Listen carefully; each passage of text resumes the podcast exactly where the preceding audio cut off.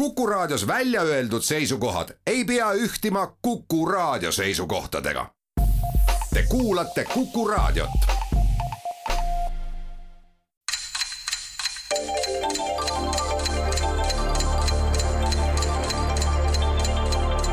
tarkade klubi targemaid küsijaid toetab lisateadmistega Postimehe raamatukirjastus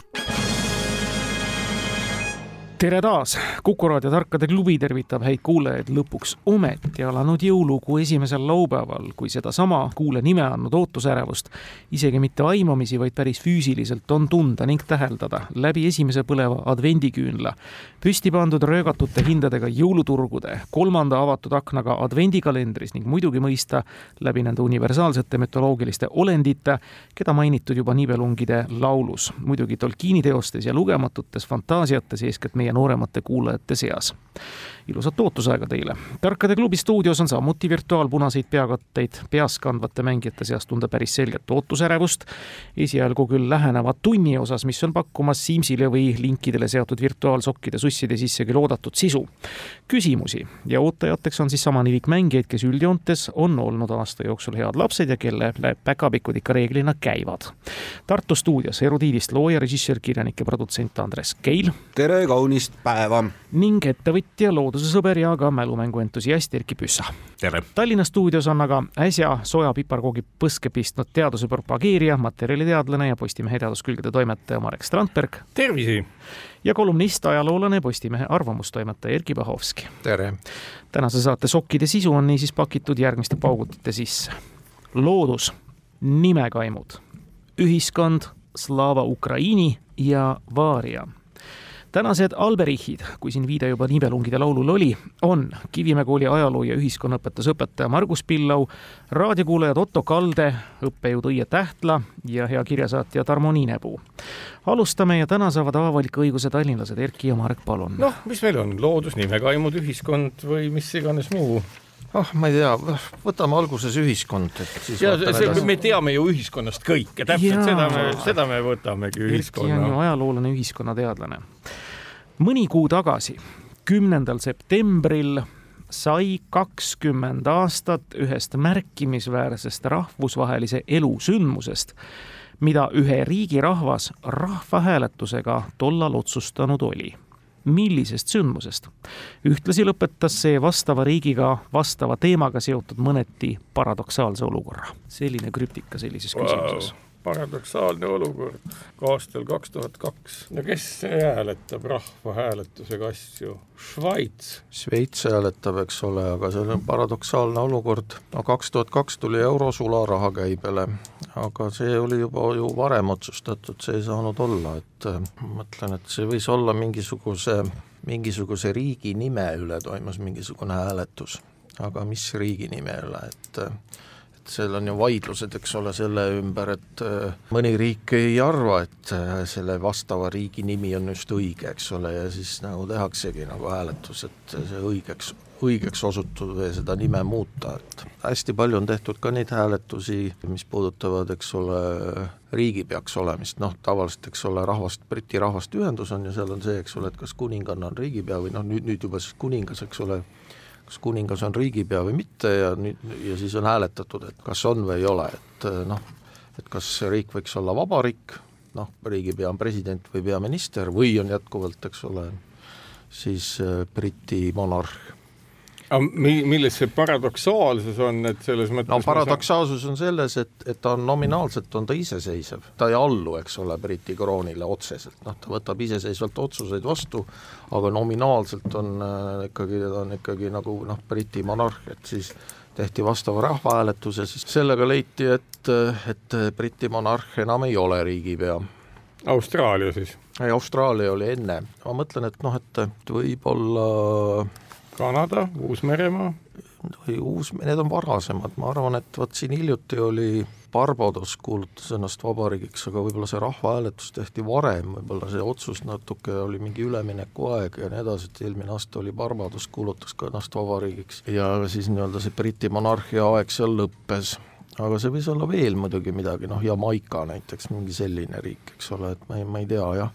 Ja noh, muidugi on veel mingi muu võimalus, mingi muu riik ja mingi muu teema üldse, eks ole, et kaks tuhat kaks ma mõtlen, et noh, see Lõuna-Sudaan ja Sudaan, see oli, oli kaks tuhat üksteist, ma arvan, et see on ikkagi kuidagi seotud selle Briti monarhiaga, noh et aga mõtleme veel, seesama euro kasutusevõtt kaks tuhat kaks, et kas euro ei ole ju algusest peale euroks nimetatud, teda on nimetatud no EQ-ks nimetati, siis ta oli arveldusühik ja, ja., jah, nii edasi. kas selles osas mingisugune rahvahääletus Prantsusmaal või Prantsusmaal ei olnud, Prantsusmaal tuli hiljem, Prantsusmaal oli kaks tuhat viis oli Euroopa põhiseaduslepingu üle oli hääletus. aga ma mõtlen just raha nimetust. ei, ei, ei saanud olla, see raha nimetus, see lepiti juba kokku ja varem ja nii edasi, et ma, ma nagu ei näe ja, ja see raha oli juba käibel, noh, selles mõttes, et rahvahääletust ei saa teha hiljem. Kas kaks tuhat kaks Eestis ei olnud mingit rahvahääletust, kas me Eestis ei, Eestis ei, ei olnud, Eesti kirjutas ühinemislepingule alla ja seal oli juba kirjas see, et et me ühineme euroalaga ja noh, meil oli rahvahääletus, eks ole, Euroopa Liiduga ühinemise küsimus, aga see oli kaks tuhat kolm. mina ei oska midagi selle kohta öelda, mulle, ma, ma lihtsalt kui või sa... äkki Küpros või, Küprosel oli ka rahvahääletus ja Küpros oli ka vanasti Briti koloonia, ei, aga Küpros oli iseseisev varem, no mina ei tea, pakume siis Barbados. ja mis äh, sündmus? noh, see, et nad hääletasid maha, nad hääletasid ennast vabariigiks ja lahku Briti monarhiast. ei anna see punkti või see ei ole üldse õige vastus, ütleme niipidi nii.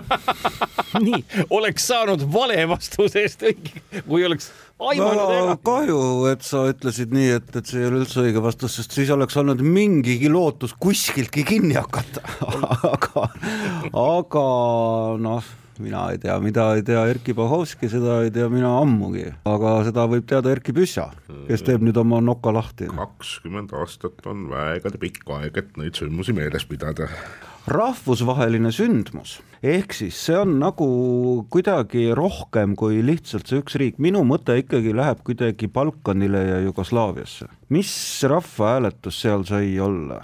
Vaata, olid ju noh, see former Yugoslavian Republic of Macedonia, see oli juba jube pikalt, eks ole, oli ta sellise nimega.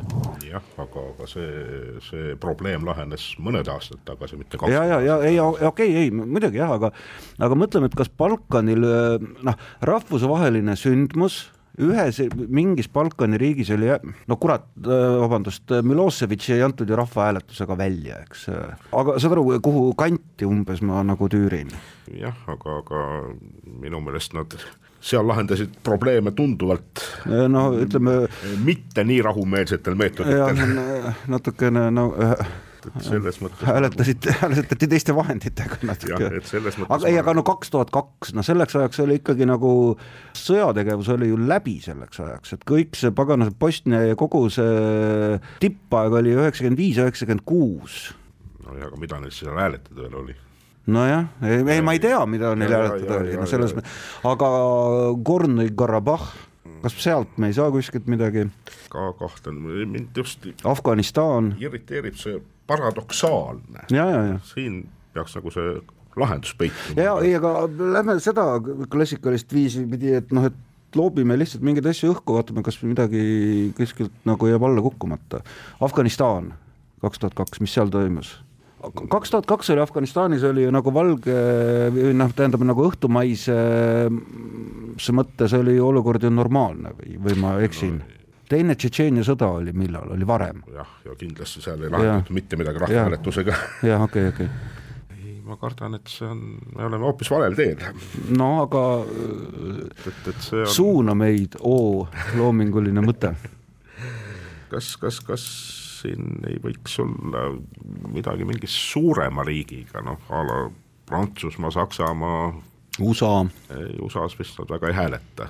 midagi nii lihtsat, aga me lihtsalt ei tule selle peale. Paradoks, okei okay,, aga lähme regiooniti, no Aasia vaevalt, Hongkongis ei hääletatud midagi, Hongkong üheksakümmend seitse anti tagasi Hiinale, kes oli, ta oli rendil sajaks aastaks, eks. ja ei saa ka öelda paradoksaalselt seal midagi oli. ja, ja, ja see on rendileping, Taiwan, seal ei, keegi ei hääleta midagi, ma, ma Aasiast ma nagu ei, India, Pakistan, noh ma kardan, et me peame ikkagi Euroopast midagi otsima.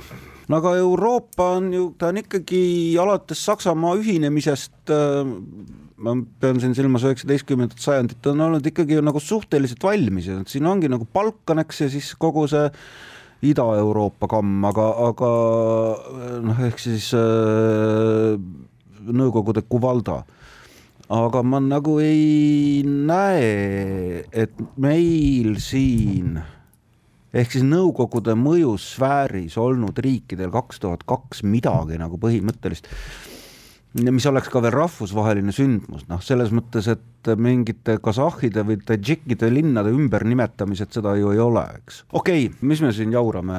Või tuleb sul veel täit-, okei okay,, siis ma püüan formuleerida vastuse, et see rahvahääletus äh, oli teemal mille läbi või selle rahvahääletuse tulemuse läbi täpsustusid äh, tänaseks äh, Balkani riikide nimed ja äh, piirid meistrit tunned sõnast ei ole kahjuks õige vastus. nõnda ongi, et selle riigi nimi käis kaks korda läbi, kõigepealt Marek Strandbergi suu läbi kõige esimesena ja siit ka teie arutelust. Šveits ühines Ühinenud Rahvaste Organisatsiooniga ehk ÜRO-ga.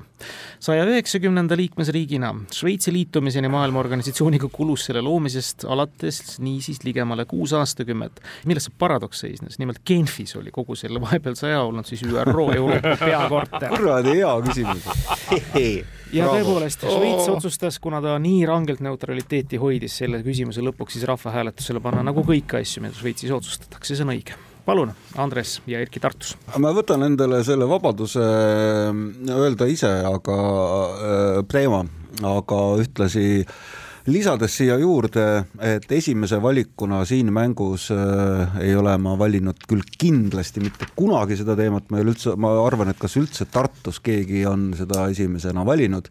aga kuivõrd laua taga istub Erkki Püssa, siis see teema on loodus. ja ma juba aegsasti panin selle paberi endale ette, mis tähistab looduse küsimusi. aimates, et see sinnapoole tüürib ja õppejõud, õpetaja Õie Tähtla küsib. konkreetne küsimus loodusest. see varblasest pisut suurem lind sööb sipelgaid erinevates moondeetappides.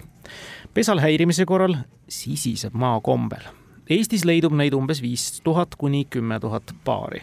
Ladina keeles Jinx torquilla sama linnu eestikeelne nimetus märgib aga tõrksat, sõnakuulmatut või üleannetut inimest. mis linnuga on tegemist? mina olen vait.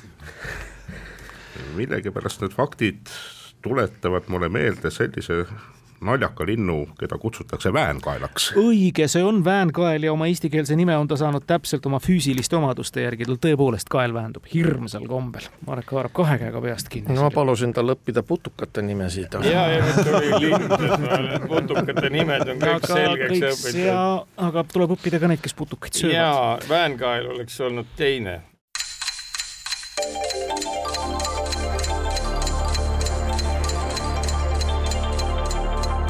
tarkade klubi. targemaid küsijaid toetab lisateadmistega Postimehe raamatukirjastus.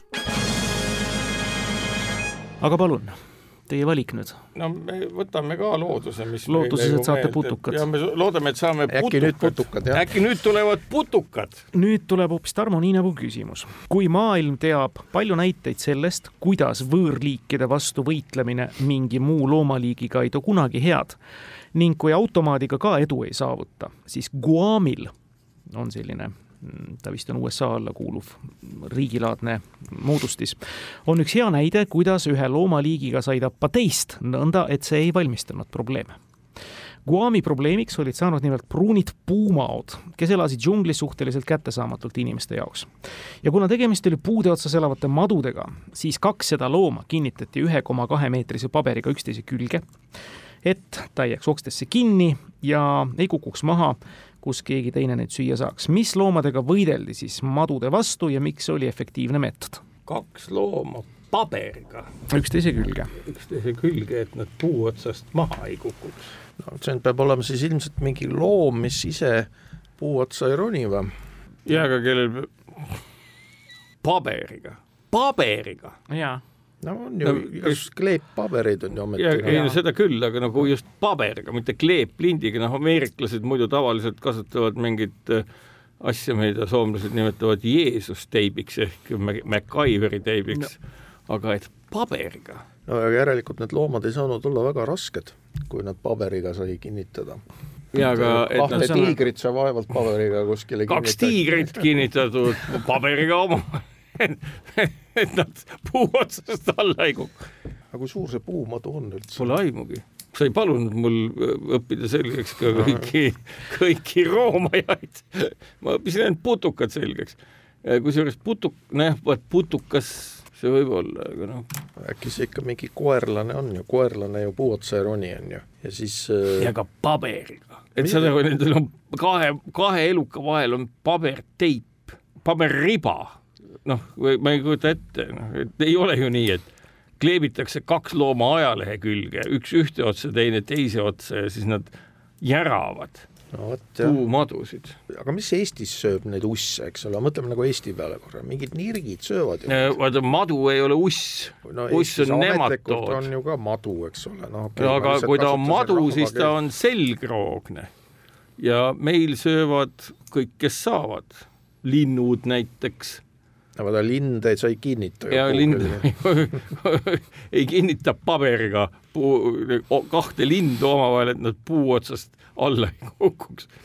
aga kes kukuvad puu otsast alla? koerlased, noh, koer ei roni puu otsa ju nojah, aga kas sa kujutad ette, no ütleme seda paberit, see paber on pigem juba palk, mida sa pead panema kahe koera vahele no,. koer ei pea olema suur näiteks äkki on mingisugune no Pekingi palee koer noh. no arvad, et on ja. olemas paber, mis kahte Pekingi palee koera? mina tean, ameeriklased on leidlikud, seal Guamil leidlik on... Ameerika paber, millega kaks seal Guamil on Ameerika sõjaväebaas, võib-olla nad sealt oma kuskilt mingitest ladudest leidsid geneetiliselt muundatud kerge ja, Pekingi palee koera. ei, see on pigem nagu keegi, kes ei ole puu otsas, keegi, kes ei kavatse puu otsa minna, koer läheb puu otsa, koer võib minna puu otsa, aga kes ei lähe üldse puu otsa, kes elab näiteks maa all. mutt. mutt ei pruugi nagu. vanamutt aga kas mutt on üldse ikka nii kuri, et ta läheb, et ta sööb madusid? ei no mutt on või? ikka päris õel loom, ütleme selles mõttes, ega ta ju noh, kui see pruun puumadu ei ole päris niisugune kümne meetri pikkune või meetrigi pikkune, siis mutt igasugust vingerdavat elukat ikka nagu tahab närida ja mutt puu otsa ei saa.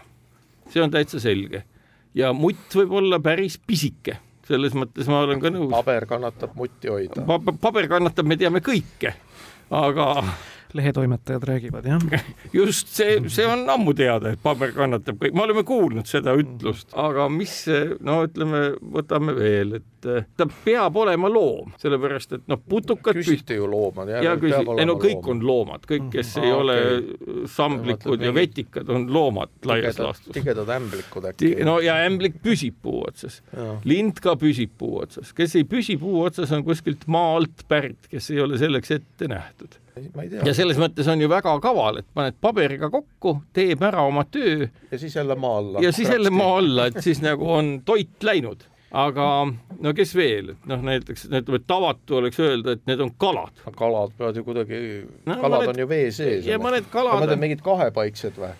kahepaiksed äh,. kahepaiksed nad ongi konnad. konnad, konnad ei söö ju neid. miks ei söö, konn sööb kõike konn on üks ägedamaid tegelasi üldse. oota, aga krokodilli ei saa ka üles ju, äkki pandi mingi väike krokodill sinna puu otsa? krokodilli Krokodil... lapsed. jah, Guami, kus koha? on siin troopika ju, et äh, kuskil Vaikses ookeanis vist või? Ma, mul on niisugune tunne, et te tegelete ikkagi nagu jõulise tõestamisega, et issanda loomaaed on kirju. ei no ei ole väga kirju, seal on nagu teatud, no meil on nüüd nagu, nagu lood... Nendel on ilmselt õige vastus kirjutatud paberi peale, nad ja. lihtsalt nagu ootavad ärevusega. ootavad ärevusega, kas me saame pihta, aga, aga meil on nagu, meil on nagu mutt, kes on suur ja keda paberiga naljalt kokku ei pane, siis on äh, mingid loomalapsed, mis on väga tõenäoline et noh, näiteks ega krokodill või kes iganes nii-öelda puu otsas ei ole muidu ja kes on ablas, ta tahab süüa ja kui see puumadu on väike, siis on see mingi loomalaps, näiteks krokodillilaps või kellegi teise oma ja siis on loomulikult äh, juba mainitud äh, konn. mina ei tea. konnad või krokodillid, kes olid kokku liimitud ja õgisid puu otsas. no peame ühe pakkuma, noh. kahepaikne. ei ole õige vastus. see, ma mõtlesin, et see kahepaikne tuleb ära, mis oleks olnud väga nutikas pakkumine, aga ei, ei ole õige vastus. palun, Tartu, saate oma võimaluse no nii, lugege nüüd paberi pealt välja, mille te olete välja mõelnud. paberi peal on palju variante, aga hakkaks pihta sellest, et kuna need maod, pruunid puumaod olid probleemiks, siis nad kõige väiksemad elukad olla ei saanud, sest mis probleemi ikka pisikene maokene tekitab. aga samas jälle, kui selle probleemi lahendus oli kahekaupa omavahel paberiga ühendatud, siis need jälle pidid olema nagu pisikesed loomad pisikene loom suurt probleemi. suurele maole teha ei saa, välja arvatult. kui nad on näiteks maole söödaks või söögiks, mis on maole kahjulik ja sest see paberiga oluline on, ma ei tea, kas see on oluline, et see paber on ühe koma kahe meetri ehk siis nelja jala pikkune, eks ole, ma arvan, et see oli lihtsalt nagu mingi, sattus olema äh, Äh, selline paber, et noh, et kuidas sa neid puuotsa ikka paned teistmoodi kui riputad oksa külge, eks ole. mis tähendab, on ju loogiline, eks, miks see paberiga peaks olema ühendatud, mis omakorda tähendab seda, et ta peab olema ikkagi nagu eriti pisikene, ehk siis et, et äh, juba tavaline lehekonn oleks nagu selleks liiga suur, on ju nii? no ei tea. aga mis need noh, loomad pisikesed, eks ole ei no kui me lähtume nüüd sellest, et mida puumadu süüa võib, kui ta, kui ta elab puu otsas, siis loogiline vastus oleks linnumunad, linnupojad mm. -hmm. ja siis paberiga sinna puu otsa viidi midagi, mida ta ka nagu loomulikul teel kätte ei saaks, aga mis talle kahjulik on. a la Colorado mardikas või? kas või või midagi sellist. aga kui me teeme nüüd nii, et me läheme poolele punktile ja sa nüüd äh, sõnastad ära selle kuidagi nii, et me saaksime selle pool punkti oh, nüüd äh, väga, nüüd väga, nüüd väga. ma arvan, et sõnastamine on ikkagi sinu ülesanne. ma püüan ähm, ühesõnaga nende puumadu, need loomad võitlesid puumadudega seestpidiselt, ehk siis, et puumao seestpoolt. tubli, tubli, see on pool punkti täpselt, nii et väga hästi antud, tõepoolest, protsess oli vastupidine, need loomad viidi puu otsa juba surnutena, need olid mürgitatud hiired, rotimürgiga mürgitatud hiired, mis läbi said mürki needsamad maad, seesama nii-öelda ahelreaktsioon ja nõndaviisi lahendati siis kaks ühes, ebameeldivad hiired rotimürgiga ja seepeale puumaod ka otsa veel. sedapidi toimis see loogika. aga nüüd me oleme kolm küsimust selja taha jätnud, Tartu poolteist, Tallinna veel avamata skoori vastu ees ja Tartu valib ka. aga proovime nime, Kaime. proovime. ja nime kaimud tulevad siit. see on nüüd kuulaja Otto Kalde küsimus, debüteerib ta sellise küsimusega. kui need Debago või Eduard von Bagenhuft noorem kandnuks oma vanaisa perekonnanime, võinuks ta ehk pääseda kergemalt või siis vastupidi, tõmmanud häda kaela kogu oma suguvõsale. tegemist oli siis Nete Pago näol baltisaksa fotograafiga, kes oma tööde eest korduvalt kohtulikult karistada sai. ta mõisteti vangi ja saadeti asumisele, nimelt siis kõvasti uudis- või taluvuskünnist ületavate tegevuste eest ta levitas pornograafilisi teoseid, kasutades subjektidena tihtilugu Tallinna tänavalapsi. ja paraku oli tema loomingule ka turgu aga tema Jälgimäelt pärit vanaisa, keda me nüüd küsime, on munitsipaalajalukku läinud palju millegi positiivsemaga. kes oli selle, noh, ütleme siis otse veel, perverdist fotograafi vanaisa, Nete Pago vanaisa. Jälgimaalt pärit ja munitsipaalajalukku oma kõva jälje jätnud. kes on pärit Jälgimäelt, ühesõnaga on küsimus. kus on Jälgimäe, Tallinna lähedal või? võimalik, aga, aga munitsipaalajalukku positiivse jälje jätnud see on teadmata Kõlvartite ajaloo perekond. ja kas jutt käib Tallinna munitsipaalajaloost? ei tea. seda pole täpsustatud jah. ja, jah baltisaksa fotograaf on tänavalaps, ühesõnaga see vanaisa pidi olema aktiivne tuhande kaheksasaja viiekümnendate, kolmekümnendate, viiekümnendate paik, umbes nii ütleks ma, eks ole. või natuke hiljem. ei, ma ei usu, et natuke hiljem, äh, noh kõige hiljem kolmekümnendatel sai tegutseda pervertfotograaf ja kõige varem sai ta tegutseda ütleme tuhande kaheksasaja üheksakümnendatel ehk siis selline neljakümne aastane aken.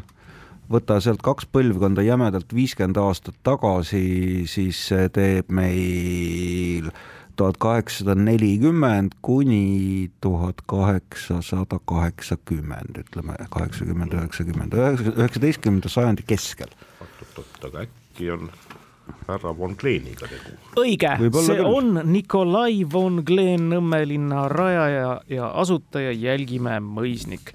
Nõmmekas Erkki Bahovski teadis seda vastust kohe nimetada. Jälgimägi pani kohe, või teadsid sa seda fotograafi ka? ei, fotograafi ei teadnud kaks pool Tartu, Tallinnal ei olnud siis selle küsimuse valikuga õnne, aga nüüd saate vea parandada. ja mis valdkonnast see küsimus tuli? nimekaimud. võtame selle siis veel või no,? nii sada aastat tagasi aset leidnud ja ebausklike poolt väga kardetud sündmus ei toonud taevast maa peale, kui just tema avastas ja avas Vaaro Tutankhamoni hauakambri.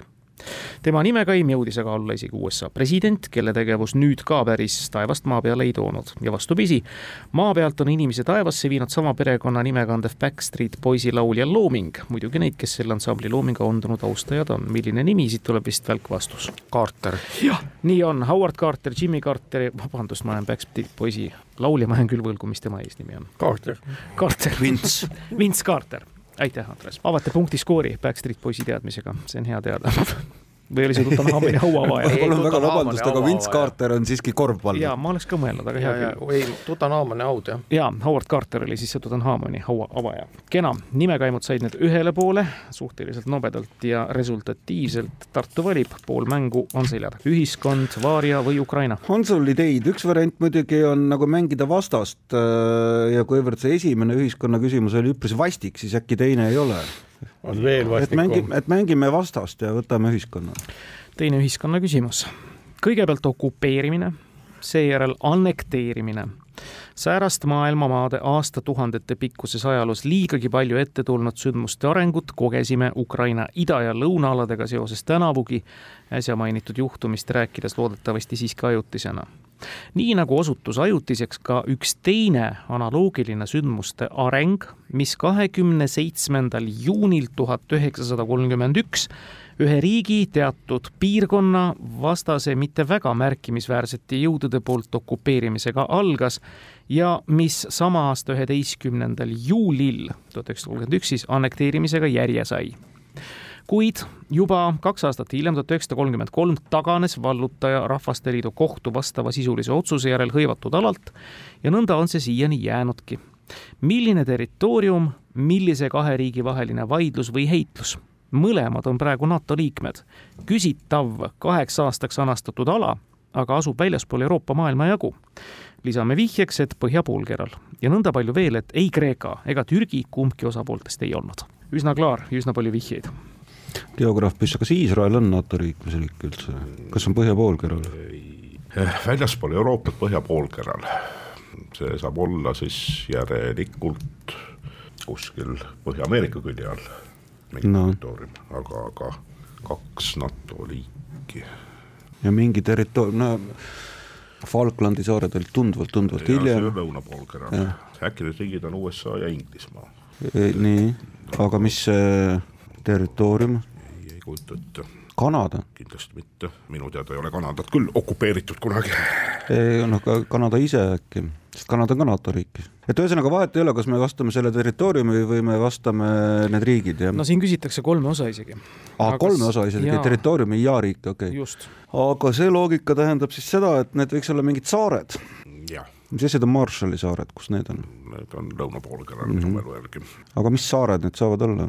Ja Rahvaste Liidu kohtuotsusega, noh põhimõtteliselt see tähendab seda, kui ma proovin nüüd lülitada sisse mingisuguse loogilise ahela, eks ole, kui Rahvaste Liidu kohtuotsusega nad taganesid kaks aastat hiljem või ühesõnaga nagu tagasi andsid, siis järelikult tegemist ei ole mingisuguse erilise nagu sellise putinistliku või hitlerliku agressiooniga, on loogiline? on. ja samas ka sellised riigid nagu NATO-sse praegu vist väga ei kuulu. just, äh, see, see omakorda, see tähendab seda, et äh, et see peab olema ikkagi nagu mingisuguse alusega mingisugune varajasem territoriaalvaidlus, eks.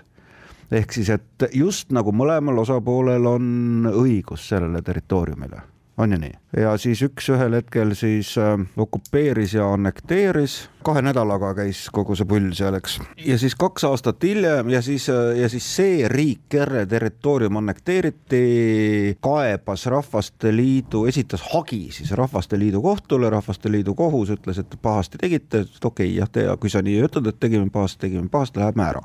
Nii, kas see viib meid edasi? Kuule, aga mul hakkab küsimusest no, arusaamine on väga tubli mul hakkab hästi rumal mõte tekkima, äkki ei, ei ole tegu Gröönimaaga, mille puhul siis üks riik võiks olla Taani, Taani, kes on NATO riik, ja kes siis teine võiks olla, ikkagi äkki Ühendriigid. jah. ega me välja ju ei mõtle, me ei tea ju, me saame ainult pakkuda. no aga sõnasta, ütle välja. no. ma juba kuulsin. teate, ma annan punkti, ehkki see üks riik ei olnud Ühendriigid, see teine riik oli Norra. no Ühendriigid ei olnud Rahvaste Liidu liige. täpselt, see oli Gröönimaa idaosa, Eerik Punase maa, mille Norra tol hetkel Taanilt ära võttis, nii et Norraga nad kaklesid ja Gröönimaa paikneb siis noh, väga hästi öeldud. me ei räägi siin saartest veel ühest ja see paikneb siis Ameerika maailmajaos.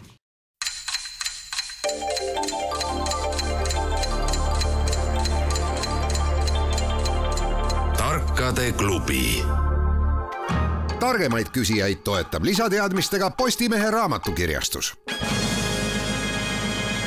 kolm pool Tartu, üks Tallinn, neli küsimust lõpuni minna, ehk siis jälle Vaaria ja Ukraina. peaaegu. no Vaaria. Vaaria siis teie puhul, jah. juristid, nagu teame, on üpris kavalad vennikesed. mõndagi kontekstiga vabalt seotud sätet mõnes seaduses või suvalist augukest nendes oskavad nad, kui vaja, oma või eneseesindatavate hüvanguks oskuslikult ära kasutada. kena sissejuhatus. ja nõnda samuti on ka teinekord elementaarsete asjadega, mida õigusalaselt kõrgelt haritud ja praktikas tugevad isikud ootamatus valguses näha oskavad ja need siis ka tihti enda huvides veerema lükkavad. meie antud küsimus on patendiõigusest maikuus kaks tuhat üks sai austraalias elav advokaat John Keogh patendi millelegi, mille kohta ka korrakohaselt taotluse esitanud oli. millelegi, mida sellel hetkel teatud originaalselt konstrueeritud ja disainitud kujul ka presenteeris. tegemist on siiski juba aegade hämarusse ulatuva leiutisega. Kio kasutas lihtsalt Austraalia patendiseadustiku kitsaskohti, et mainitud saavutada. tema taotlus oligi peamiselt seaduse puudujäägile tähelepanu juhtimine, seega riigi õigussüsteemi täiustamine ikkagi õilsal eesmärgil. millisest leiutisest me niisiis räägime? selle esimene teadaolev kasutamine ajaloos on keraamika valdkonnas olnud, millele võttis Kio patendi. kammile või kedrele või? Ja noh, jah, keder tuleks nagu esimesena meelde jah, et see, millega sa seda ringi ajad seal, aga keraamika valdkonnas, keraamika valdkonnas. Seda põletatakse veel, seal ahi, ahi. see on hästi kaua olnud, noh, mis seal veel on siis? no ega ei tea, no kõik asjad on vanad, ratas, kamm. aitab, ratas, te olete kaotusseisus, ma niimoodi hõikasin praegu vahele. see on ratas, jah, keraamikas kasutati seda tõepoolest potikädrana. ja Kio sai siis patendi ametliku formuleeringu järgi, kuulake nüüd, ümmargusele seadeldisele, mis veoste transportimiseks on mõeldud kõik õige. nii, teine punkt teile, kolm pool Tartu, kolm küsimust lõpuni minna. mis siis läheb, Andres Erki Tartus, Vaari või Ukraina? mis me võtame? võtke nimekaimud jälle. võtame siis Ukraina. Slava Ukraini ja nüüd küsime. Läänemere soome rahvaste, sealhulgas eestlaste ajalooliselt kinnistunud hüüdnimi vene keeles on ju tšuhnad. väljend, mis tänapäeval kindlasti nüüd halvustava alatooniga on, kunagi varem oli pigem neutraalne tuletatud etnonüümist tšuudid, kelle järgi siis vene keeles teatavasti ka Peipsi järv nimetatud on. sõnatüvi on võõras, see tähendab võõras rahvas ja võõras keel ukrainlaste kohta käiv sõimusõna on venelastel teadupoolest hohollid, kuid samamoodi pole see endistel aegadel alati ja igal pool mõnitamisena mõeldud olnud. näiteks ka kirjanik Mõkola Hohol ehk siis Nikolai Gogol on tunnistanud, et tema mentaliteet võrdselt vene ja hoholli kultuurilise ainese poolt mõjutatud on. mida aga sõna või mõistega hoholl esialgu tähistati? See on midagi, mis teatud perioodidel tõepoolest ukrainlaste avaliku kuvandi stereotüüpne komponent oli. ka Ukrainat hõlmavate sealsete stepialade erinevate rahvaste ja hõimude hulgas oli sama küsitav, tuntud muuhulgas ka näiteks kui Aidar, Ardar või Tšurpun, mida tähendab siis hohol, mis on tõepoolest perioodidel ukrainlaste avaliku kuvandi stereotüüpne komponent olnud mul on üks mõte on äh,, äkki see müts? ei, aga miks teatud perioodidel? noh, Mahno. ei, ma pakun, et see külmal ajal on vaja müts pähe panna. jah, et perioodil mõeldakse äkki siiski aastaaegu või, või midagi taolist. nii avaliku kuvandi osana. habemed need ei olnud ju ometi, eks. ei, ma, ma arvan, see on mingi ese, noh Aida, mis need olid, Aidar, Aigar? Aidar, Ardar ja Tšurpun. Tšurpun kõlavad nagu mingid muusikariistad. balalaika. ei noh, noh mingi noh, noh papaha noh, see on ju, ei ta on ikkagi Kaukaasia, aga need äh, pikkmantlid, vaata sellised noh, nagu sineli tüüpi mantlid. nojah, aga ikkagi siin midagi põllumajandusega pistmist ei ole, mingi söök, mingi saagikoristus. ei, ei, no aga see ei saa olla välise kuvandi osa, kuidas see sõnastus oli seal, palun?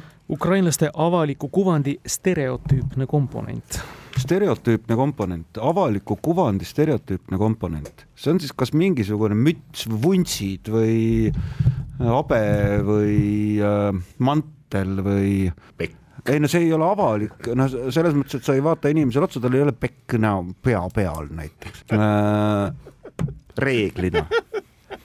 Ukraina pekk, võta oma ohholl pea pealt ära, ma tahaks seda süüa ja palun aga ei no saad aru, noh, millega sa nagu inimest ikkagi mõnitad, on see, et noh, vaata, mäletad seda suurepärast, väga mitte suurepärast aega kaheksakümnendatel, kui kõik kohad olid täis äh, mingisugused furaškad kuklas Vene solbaneid, eks ole, noh. ma kahtlustan, et mingi riietus ees, aga see särk, äkki Ukraina särk, kuule, sest see on ka ju täitsa eraldi asi ja no, no kui sa selles riietuses nii kinni oled. aga ei no aga pakume, ei no ei, ma ei ole kinni, aga ma ei oska nagu midagi muud nagu mõelda, noh, vaata noh, psühholoogiliselt ka, eks, kui sa annad äh, rahvale mingisuguse nime, eks, ja, ja see muutub äh, halvustavaks, siis ta peab olema kirjeldav, noh, seesama see noh, tšuhnaad ehk võõrad kirjeldab, eks. Mm. -hmm andke mulle andeks, ma ei mõtle seda solvanguna, aga noh, araablased rätipead, noh, see kirjeldab, ehk siis, et see peab olema midagi, no nagu siin Timo eksaktselt on sõnastanud, et avaliku kuvandi, visuaalse kuvandi avalik osa, ühesõnaga on põhimõtteliselt noh, et, et vaatad peale, näed, eks. ja siis see peab kirjeldama kuidagi välimust. välimuse puhul on kaks varianti, kas see on äh, inimese endaga kaasas käib füsioloogiline välimuse osa nagu vuntsid või habe eks, ja teine variant on see, et tegemist on mingi riietusesemega. müts, kui on periooditi, siis on see pigem kas müts või mantel, sest vaata, vuntsid ja habe ei ole ka periooditi. mina näiteks kannan oma habet aastaringselt juba aastakümneid paraku. aga ma ei oska tõesti valida siit, et kas see on müts või, või see mantel, millel kindlasti on mingisugune oma nimi, aga ma ei tea, kas see tšurpan, noh, äkki on, noh, ja see, see tšurpan iseenesest, see kõlab ka nagu mingi mingi riietusese. kujuta vaimusilmas tüüpilist ukrainlast, see äkki aitab meid ei no ma näengi sellises nagu sineli tüüpi mantelis, mantlis hõlmad vaheliti, eks ole, mingisuguse tuhande üheksasaja kahekümnendate koloriidis. Pilt tõuseb minu silme ette. Hõlmad vaheliti pikas mantlis, vuntsidega noor mees, mingisugune furaška peas. Äh, vaata, kui jutt tuli Gogolist, siis kahe... Chanel on Gogol kohe. siis, siis, nagu kahekümnendate stiil vist ei sobi, et ma arvan, et see sõna ei no, ei no vahet ei ole, noh, ma ütlesin, kirjeldasin, mida ma ette kujutan, selles mõttes, et no aga kats, katsu siis ära sõnastada kuidagi ikka niimoodi, kas või poole punkti vääriliselt ma ütleks nii, et äh, Hohol ja Tšurpan on äh, periooditi meesterahva garderoobi kuuluv riietusese, mis väga tõenäoliselt pigem meenutab rohkem mantlit kui mütsi. väga oskuslik sõnastus, sedakorda ei too punkti, siit ei ole kuskilt kinni haarata, et punkti anda me siin vaikselt nii-öelda kihistasite nii? ei, me ei kihistanud. ei kihistanud me..., me ei ole kindlad, aga no, Marek joonistas ei, ma joonistasin täiesti, lihtsalt nagu, mis mul kangastus oli, et kus me teame ukrainlaste kohta kõige rohkem, sellest, kuidas äh, äh, zaporožlased või zaporižlased kirjutavad sultanile kirja. ja siis, kui hakkame nagu ette kujutama neid tüüpe seal, siis nendel on üks asi, mille poolest nad erinevad, kõik rahvad kannavad vuntse ja mida iganes. ja, ja, ja aga jällegi ma ei oska öelda, kas see kasvas neil perioodiliselt või mitte, see imelik tutt hiilgav vastus, see on tõesti ja see on väga hea vihje, millest sa kinni haarasid Zaporožje kasakad kirjutamas sultanile kirja. see on üksik pikk juuksetutt, paljaks raseeritud. peas oli kasakate hulgas laialt levinud. Gogoli perekonnanimi muide on kindlasti teise tähendusega olnud, sest kirjutatakse G-tähega, mis ukraina keeles tähendab siis nõrka H-d. Holl on aga slaavi H-tähega ja see on hääldamisel ka tugev H. Ma... muide, Andres Tartus, kui sa oleks pakkunud kui sa oleks pakkunud lihtsalt kuidagi sõnastusega kaunist peakatet, see oleks pool punkti andnud. aga ma mõtlen, et miks see neil oli. kirjutas kas... ka Taras Bulba, eks ole, et sealt ja, on nagu ja. peaks tulema ju see. just, just, just, just., ma just mõtlen seda, et aga miks see neil niisugune oli, et kas see oli täide vastu, oli hea kammida? vaat ei tea, aga kasakatele ta tõesti laialt levinud oli ja kasakate seas väga omane. kena, te võtate jõudsalt järele, kaks küsimust enne lõppu, Tallinn kolm, Tartu kolm pool ja nüüd on siis Ukrainate või Vaariat teie valik? no meil Ukrainaga saame vist pihta, paneme siis veel või? tehke nii. ai tea, ei, ei, ei, no olgu, teeme, teeme.. kuulaja Otto Kalde küsimus. Victoria Cross ehk Victoria rist on kõrgeim sõjaväeline autasu, mida Ühendkuningriik välja annab. seda omistatakse erakordse vapruse ning kangelaslikkuse eest. see medal on tehtud ühest metallist, mis on saadud sulatades üles midagi, mille Briti väed, nüüd me jõuame Ukrainasse, Krimmi sõjas Sevastoopolis sõjasaagiks said. millest valmistatakse Victoria Krossi medalit? noh, see Krimmi sõjas nad jah, vallutasid Sevastoopoli ja see võttis kaua aega, ma ei tea, no e-, esimene laks, millega nagu mõelda tuleks, et see on suurtükid äkki või, suurtükkidest tehti neid, noh, sulatati ära ja sest noh, nad ei tahtnud, et need suurtükid venelaste kätte jääksid uuesti, et see tundub olevat no, nagu ei... hea seletus, aga millises Krimmi sõjas nüüd?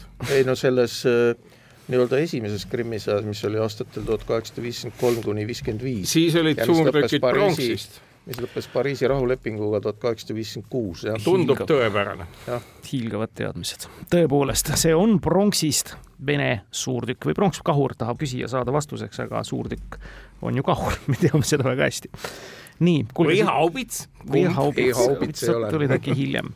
kuulge, siit tuleb neljas punkt teile ja Tartu kolm pool, nii et viimane küsimus jääb siis otsustama, see on Vaarias. Andres ja Erki Tartus ühes hiljutistest mängudest me küsisime tuvi ladinakeelsest nimetusest tuletatud teatud mõistet ja oli see Andres vist, kes selle ära vastas ka, et õigeks vastuseks oli kolumbaarium. täna tahame teada, milline meile tuntud ehitis või asutus on ladina keeles sudatorium. Eestikeelses temaatilises Vikipeedia artiklis on küsitavat pühaks paigaks nimetatud. Araabiakeelne vaste vastavale on aga hammam uh. -huh. Erki pakub saun õigesti pakub äh,, õigesti pakub, see on tõesti saun. Sudatoorium otsetõlkes on siis higistamise koht, nagu ladinakeelsed spetsialistid juba Tallinnas ära tõlkisid selle jaoks. jah, noh, ma olen ise käinud seal, see on ma ei tea, kas see on spetsiifilisemalt, aga see on Türgi saun üldiselt. ja Kreeka-Rooma tüüpi saunasid, mis meie mõistes pigem spaad on, kutsutakse ladina keeles aga ja, ja kreeka keelest tulnud sõnaga balneum. no vähemalt selles saunas, mis mina käisin seal, seal oli jah, erineva temperatuuriga, et seal oli nii-öelda see suur ruum ja seal oli tõesti nii-öelda soe ruum. pool punkti Erkile, kuna ta on ei, käinud Tartu ja aga seal oli ka leiliruum, seal oli ka nii-öelda, kus nagu oli, oli nagu tõeliselt palav, jah. aga see dramaatiline mäng, mis lõpeb peaaegu viigiga, on siis Tartu neli pool, Tallinn neli, nii et ikkagi ütleme, et oli väga viljakas, väärisite üksteist väga hästi ja väärisite ka neid mõlema mängu küsimusi, aga tänase mängu lõpetuseks jõuluajale vastu minnes valigem ka siis teie abiga parim kuuldud küsimus tänast. vot kas sel nädalal oli see Šveits või oli see eelmine nädal? Šveits oli täna. aga see Guami asi oli ka minu meelest hea. see oli ikka väga hea. mürgitatud rotid või hiired. pane jah ja kuulaja Tarmo Niinepuu saab siis meilt ka ära märgitud ja ka raamatuga kindlasti premeeritud. aitäh, Erki Marek Tallinnas, aitäh, Erki ja Andres Tartusse. uute kuulmisteni, seniks aga kaunist ootusõja jätku. hoolega hoitud auhinnad toob kohale Smartpost Itella. lõpetame saate nagu ikka kuulajamänguga eelmisel laupäeval lõpetas meie saate küsimus, kus saatejuht nimetas vaheldumisi riike ja aastaarve ning küsis, mida ühist nendes riikides nendel aastatel sündis. no näiteks Nigeerias aastal tuhat üheksasada üheksakümmend üks. õige vastus on, et nimetatud aastatel vahetusid nimetatud riikides pealinnad ära märgitud Nigeerias näiteks kolis pealinn Lagosest Abujasse. Kõige õigesti vastanute vahel naeratas loosiõnn sedakorda kuulaja Margareeta Telliskivile. palju õnne, teiega võtame ühendust. uus nädala küsimus kõlab järgmiselt. tulenevalt sellest, et Nicaraguas seda palju kasvab ja isegi samanimelised saared on olemas kutsuvad paljud nikaraagualased isekeskis endid just sellise hüüdnimega, mille all on tuntud ka üks Stephen Kingi jutustus, millest omakorda on valminud mängufilm Peter Hortoniga peaosas. küsimus kõlab. milline nikaraagualaste hüüdnimi või raamatu ja filmi pealkiri? ootame vastuseid nagu ikka e-posti aadressil tarkadeklubi at kuku punkt ee või tavapostiga aadressil Tartu maantee kaheksakümmend, Tallinn, Kuku raadio, Tarkade klubi. Palun lisage juurde ka oma kontaktandmed. samadel aadressidel on oodatud ka Kuku kuulajate küsimused saates mängivatele tarkadele. head küsimused pääsevad ikka eetrisse ja saavad äramärkimisel premeeritud. tänaseks lõpetame, kuulmiseni